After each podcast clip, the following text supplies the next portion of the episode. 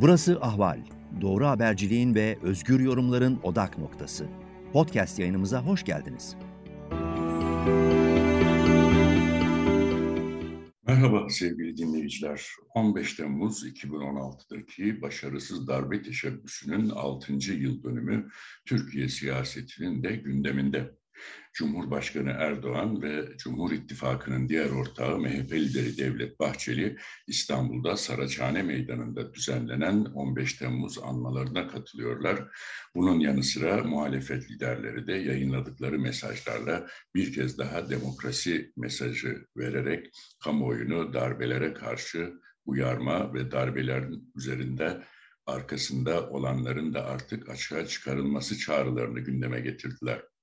Muhalefetin iddiası 15 Temmuz darbe teşebbüsünden sonra siyasi ayağın hala ortaya çıkartılmamış olması ve üzerinin örtülmeye çalışıldığı yönünde.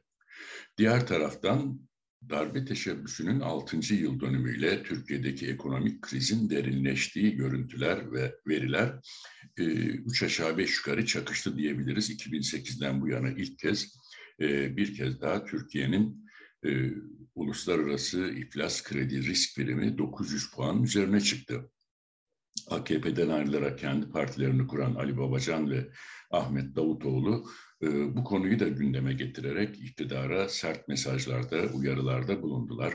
Ülke iflasa, kaosa sürükleniyor. Artık bu cehalet e, dönemini bırakın, cahilce ekonomik kararlar almakta ısrar etmeyin. Bir an evvel önlem alın e, çağrısında bulundular. Diğer taraftan muhalefet sözcüleri de hem e, darbe teşebbüsünü kınayan mesajlar verirken aynı zamanda da özellikle e, döviz kıtlığının yaklaştığını sonbahardan itibaren Merkez Bankası'nın teslim bayrağını çekmek zorunda kalacağı iddialarını içeren açıklamalarda bulundular. Tabii darbe teşebbüsüyle ilgili e, her yıl döneminde olduğu gibi bir kez daha farklı tezler ortaya atılıyor. İşte meclisteki araştırma komisyonunun raporunun yayınlanmaması, genel kurula indirilmemesi ve raporun kamuoyuna açıklanmamasından tutun e, darbe teşebbüsüyle ilgili farklı iddialar, o gece nelerin yaşandığına ilişkin e, çeşitli e, tespitler, e, değerlendirmeler gündeme getiriliyor.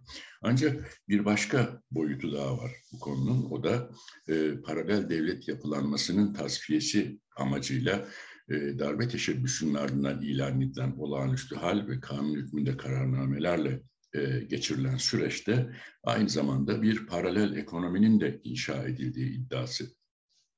Paralel ekonomi kavramında e, Cumhuriyet Halk Partisi İstanbul Milletvekili Erdoğan Toprak gündeme getirdi ve bunu gündeme getirirken de tasarruf mevduatı sigorta fonuna devredilen yüzlerce şirketin 6 yıldır e, devlette bir yandan tasfiye sürdürülürken bu şirketlerin ise iktidar tarafından el altında tutulduğunu ve iktidarın e, bir nevi istihdam deposu, finansman deposu olarak kullandığını iddia etti. Şöyle bir baktığımız zaman tasarruf mevduatı sigorta fonunun da e, 6. yılı geride kalan darbe teşebbüsünden bu yana kayyumlar aracılığıyla yönettiği şirketlerin sayısı 877. Bunlar arasında e, Türkiye'nin önde gelen madencilik şirketleri, tekstil şirketleri, mobilya şirketleri, teknoloji şirketleri hatta e, yüzden fazla medya kuruluşu da bulunuyor. Bir anlamda tasarruf mevduatı sigorta fonu en büyük medya patronlarından da birisi konumunda. E, Mart 2022 itibariyle bu şirketlerin e, aktiflerinin 100 milyar liraya yaklaştığı, cirolarının da 50 milyar lirayı aştığı gözleniyor rakamlara bakıldığında. Aynı zamanda bu şirketler üzerinden iktidara yakın vakıflara da çok ciddi bağışlarda, hibelerde bulunulduğu iddiaları yine muhalefet sözcüleri tarafından dile getiriliyor. İktidar bu şirketleri e, arka bahçesi, e, finansman e, altyapısı gibi kullanıyor deniliyor. Yoksa 6 yıldır e, el konulan bu şirketlerin satılacağı, ekonomiye kazandırılacağı vaat edilmesine karşın e, tasarruf mevduatı sigorta fonunun atadığı kayyumlar eliyle yönetiliyor. E, kayıtları, kuyutları, denetimleri e, kamuoyuna açıklanmıyor. Şeffaflıktan uzak bir yönetim söz konusu deniliyor ki 200'ün üzerinde TMSF kayyumu bu şirketleri yönetiyor. Bazılarında bazı kayyumlar 5-6 şirketin birden yönetiminde. Tabii yönetim kurullarına atananlar apayrı. Ee, burada her şirkette en az 5 ya da 7 kişilik yönetim kurulu olduğu varsayıldığında binlerce kişi içinde böyle bir imkan söz konusu. Dolayısıyla iktidar anlaşıldığı kadarıyla bu olanakları, bu imkanları kolay kolay elden çıkartmak istemiyor. Çünkü e, kısa süre önce çıkartılan bir torba yasada yapılan düzenlemeyle de e, tasarruf mevduatı sigorta fonu bünyesindeki bu şirketleri yöneten kayyumlara, tasarruf mevduatı sigorta fonu bürokratlarına yasal koruma zırhı getirildi. Aldıkları kararlardan, yaptıkları eylemlerden, işlemlerden, para e, kullanımlarından ve transferlerinden ötürü e, sorumlu tutulamayacakları idari, mali ve cezai işlem yapılamayacağı konusunda bir yasa düzenlemesi meclisten geçirildi.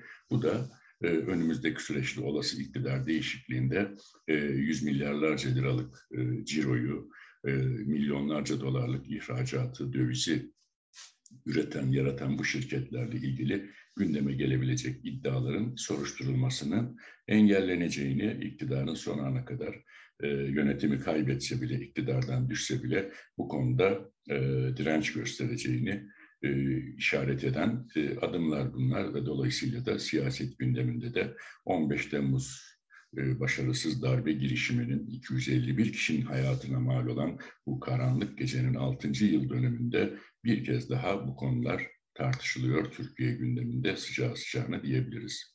Ben Zülfikar Doğan, sizlere yapacağım değerlendirmeler şimdilik böyle. Yeni bir yayında tekrar karşınızda olacağım. Hoşçakalın. Ahval podcastlerini tüm mobil telefonlarda Spotify, SoundCloud ve Spreaker üzerinden dinleyebilirsiniz. Apple iPhone kullanıcıları bize iTunes üzerinden de ulaşabilir. Türkiye'nin ve hayatın cıvıl cıvıl sesleri Ahval Podcast dizisinde. Kulağınız bizde olsun.